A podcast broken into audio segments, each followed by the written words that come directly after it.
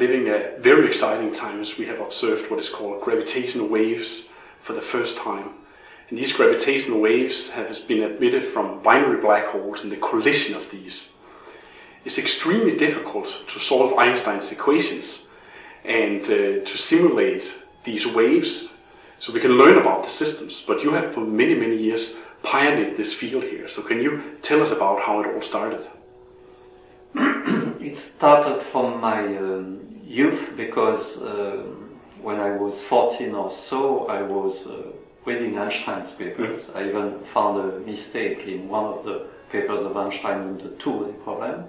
So when I arrived, after my thesis, when I arrived as a postdoc in Princeton, um, I went to the Institute for Advanced Study to meet the secretary of Einstein because uh, finally she handed me the manuscript of the unpublished computations of Einstein, Infeld, and Hoffmann on the two-body problem. I was already mm. interested into that. So, uh, so just to tell you that my interest in the two-body problem activity dates from very long ago.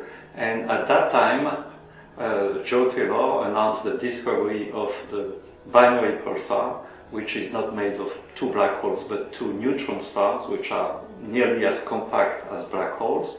And the discovery of binary pulsars motivated actually to go beyond everything that had been computed before to have a better description uh, of the motion of two strongly self-gravitating objects, and in particular of the fact that because of the retarded wave interaction between the two bodies, they get closer and closer. It's called radiation reaction in physics. And uh, in 1980, we were doing the first uh, full computation of the radiation reaction at the leading order. And then at the end of the 80s and the 90s, the fact that the LIGO experiment in America, the Virgo in, in Europe were starting plans to build really detectors of gravitational waves, it became more and more important to refine the theoretical calculation that we had been doing already for a few years. So if I'm taking, you know, a, a, step out here, so the binary pulsar that you talked about here, you really have two compact neutron stars that are relatively far from each other. So we are, we are not talking about two objects that are so close that they're merging, but still when they're so far from each other, you see um, you see, yeah, you see effects from Einstein's. Uh, not yeah. only effects from Einstein's theory, but effects from gravitational waves. Actually, the first proof that gravitational waves exist, are real, was obtained by comparing the binary pulsar observational data with the theory, particularly the one we had developed at the time, because in this system, the gravitational force between the two bodies takes a certain time to propagate. So here we are not, we don't need to talk about loss of energy and angular momentum in the form of waves, but the fact that there is a wave of the gravitational force being propagated from one body to the next changes Newton's law by a term opposite to the velocity, which is of the damping type. And this is what makes the bodies slow down on the orbit and then fall on a lower orbit where they go faster actually and therefore the orbital period gets shorter and shorter and this is observed with exquisite accuracy in many binary pulsars. So this agreement uh, between uh, the theory and uh, the observation is a clear proof that gravitational wave exists, that gravity propagates at the speed of light. Although it is not the observation of waves in the wave zone, it is a proof that gravity propagates like a wave.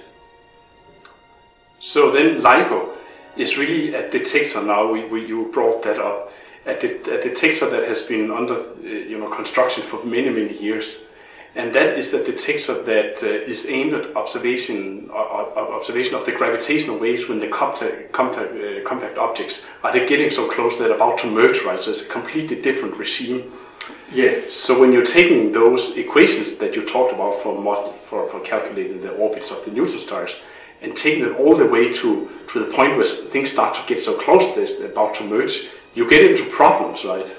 Yeah, if you use the, the usual things on which I, I worked uh, a lot Mm. myself, which is uh, an, an approximation by successive approximation, where you say, roughly speaking, that the force of interaction is Newton's force plus a correction, which is v squared over c squared smaller, plus second correction, plus third correction, plus fourth correction. We could go to a very high order. The problem with this is that when two objects, neutron stars, but especially two black holes, are uh, on the last orbits on which they can go around, the, all those successive approximation they are of the same order of magnitude, which means the method that gives you uh, the, the answer uh, does not work anymore. That you cannot describe by using these approximate formulas what happens during the last orbit. And our American colleagues, like Kip Thorne said, analytical methods will never be able to do that. We need numerical relativity. But in around 1999, 2000, numerical relativity did not exist and did not or could not solve the problem. It existed, but it failed in solving the problem. And it's only five years later that it, gave the first solution. But uh, with uh, my postdoctoral student uh, Alessandra Buonanno, we used the previous calculations and we said, let's massage them, let's transform them in a form where we think they are able to describe now the last orbits, and not only what happens during the last orbits, but when the bodies, the two black holes touch, and when they merge. And, and we were lucky to predict for the first time the full waveform from uh, infinite paths when the bodies are very far away up to the moment where after this inspiraling motion they really merge and then after merging the black hole formed by the fusion of the two black holes is ringing as we say vibrates. so we wrote down this formula in, in 2000 and five years later when numerical relativity could compute this actually it agreed at uh, uh, modulo errors of 10%, you know, so 90, we were 90% correct, okay? and, and in the years after this, uh, as numerical relativity gave a better description of the merger, but not such a good accuracy for what is before, the idea was to combine analytical methods and some numerical results to have uh, accurate description, uh, which is still analytical in the sense you can fit parameter, change things, so it's very flexible from this point of view, that could describe the full waveform emitted by the coalescence of two black holes. And I was very happy when these waveforms uh, computed this way by this so-called effective one-body method have been used for the first detections of gravitational waves by LIGO and Virgo. So that's really plays an extremely important role right now, as they're having, you know, once you have the signal coming in from these binary black holes, you will need these what you call the templates to look for the signal, right?